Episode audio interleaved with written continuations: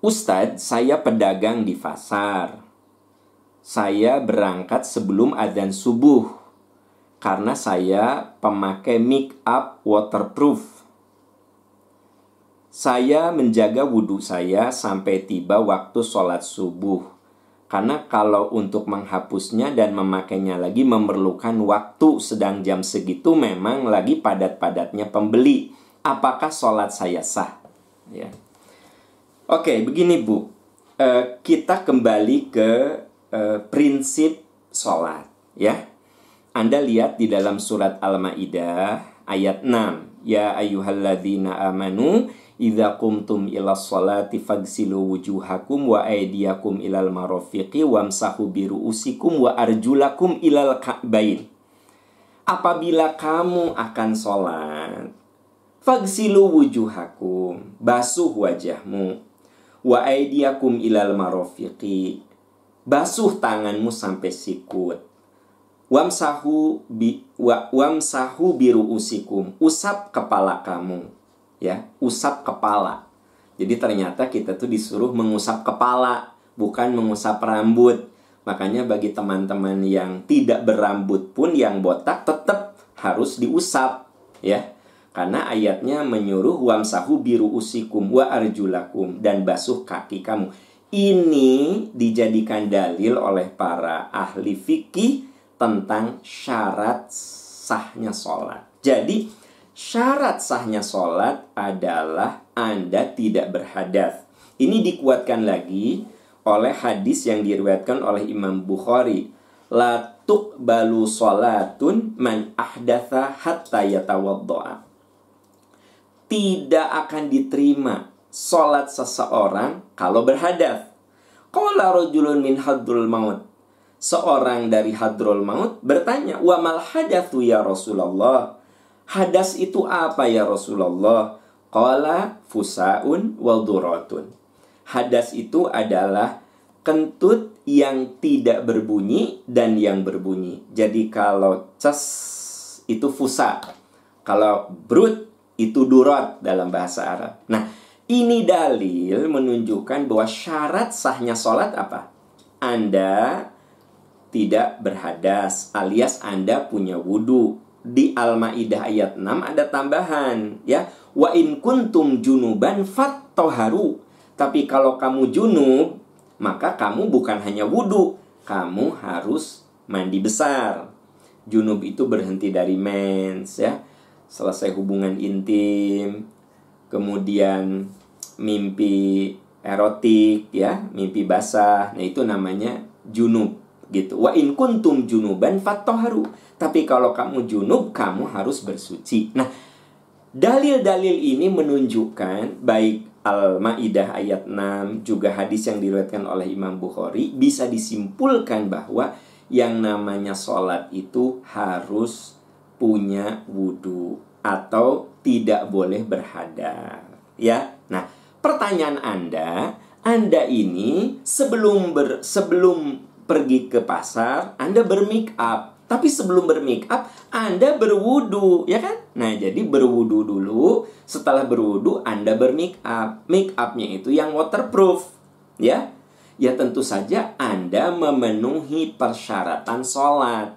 Kenapa? Karena sebelum bermake up itu Anda berwudu, begitu. Ya, ya nggak sih? Syarat Anda sudah terpenuhi, yaitu apa? Wudu. Jadi Anda berwudu dulu, setelah berwudu Anda pakai make up. Baru ke pasar Anda jualan, datang waktu sholat subuh Anda sholat. Jadi aman, tidak ada masalah. Yang bermasalah apabila Anda bermake up sebelum berwudu. Ya, Anda bermake up dulu. Nah, Anda belum wudu nih. Anda belum bersih dari hadas nih. Nah ini problemnya. Jadi kalau mau Anda wudhu dulu. Setelah berwudhu silahkan bermake up. Ya. Pertanyaannya gimana Ustadz kalau setelah bermake up itu saya batal? Ya kan tadi Nabi mengatakan bahwa latuk balu sholatun man ahdatha hatta yatawaddo'a. Tidak sah sholat orang yang berhadas sampai dia berwudu lagi. Seorang sahabat bertanya, "Mal hadatsu ya Rasulullah?"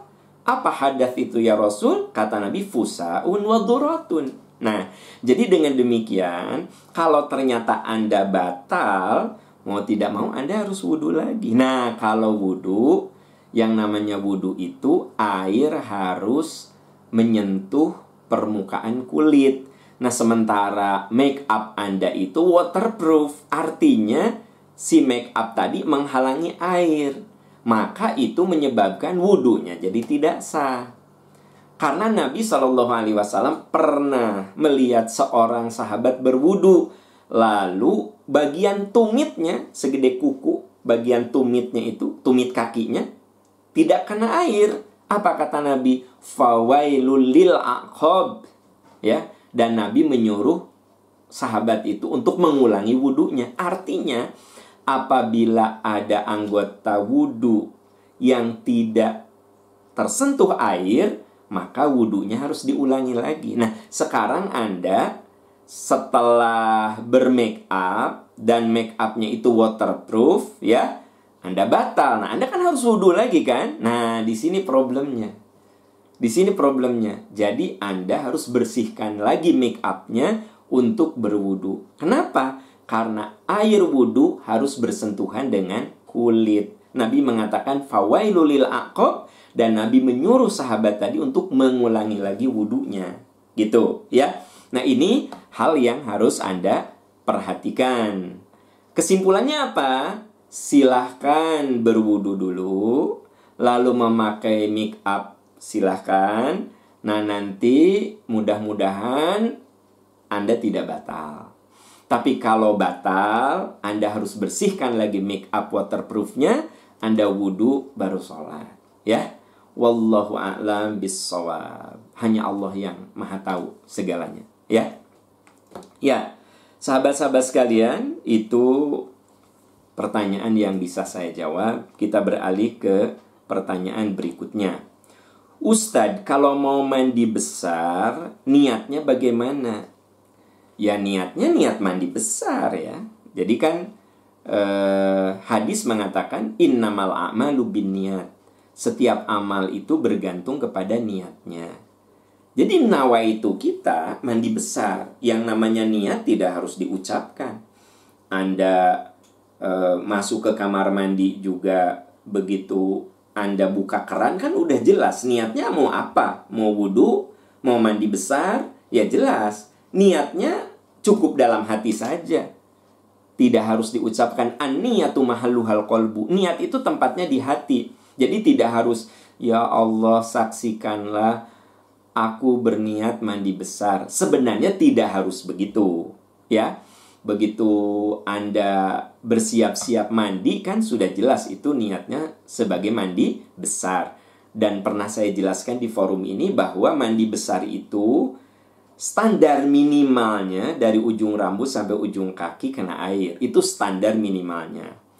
Tapi menurut hadis yang diriwayatkan oleh istri Nabi ya Aisyah, beliau mengatakan Nabi itu kalau mandi besar memulai dengan membasuh tangannya telapak tangannya beliau basuh, lalu beliau membasuh kemaluan dengan tangan kirinya, lalu beliau berwudu sebagaimana wudu untuk sholat, persis seperti wudu untuk sholat. Kemudian Nabi menyelat-nyelati, menggosok-gosok kepalanya. Jadi setelah berwudu, baru beliau menggosok-gosok kulit kepalanya. Ya kalau sekarang mungkin kita bisa pakai shampoo pembersih rambut lah ya. Setelah kepala baru seluruh badannya dan terakhir kakinya.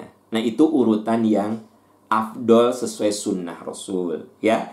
Tapi kalaupun tidak begitu ya sah mandi besarnya. Namun sayang sekali kan kalau kita sudah tahu urutannya kenapa kita tidak mengikuti urutan yang dicontohkan oleh Rasulullah dalam mandi besar. Jadi niatnya cukup dalam hati saja. Nawaitunya di dalam hati.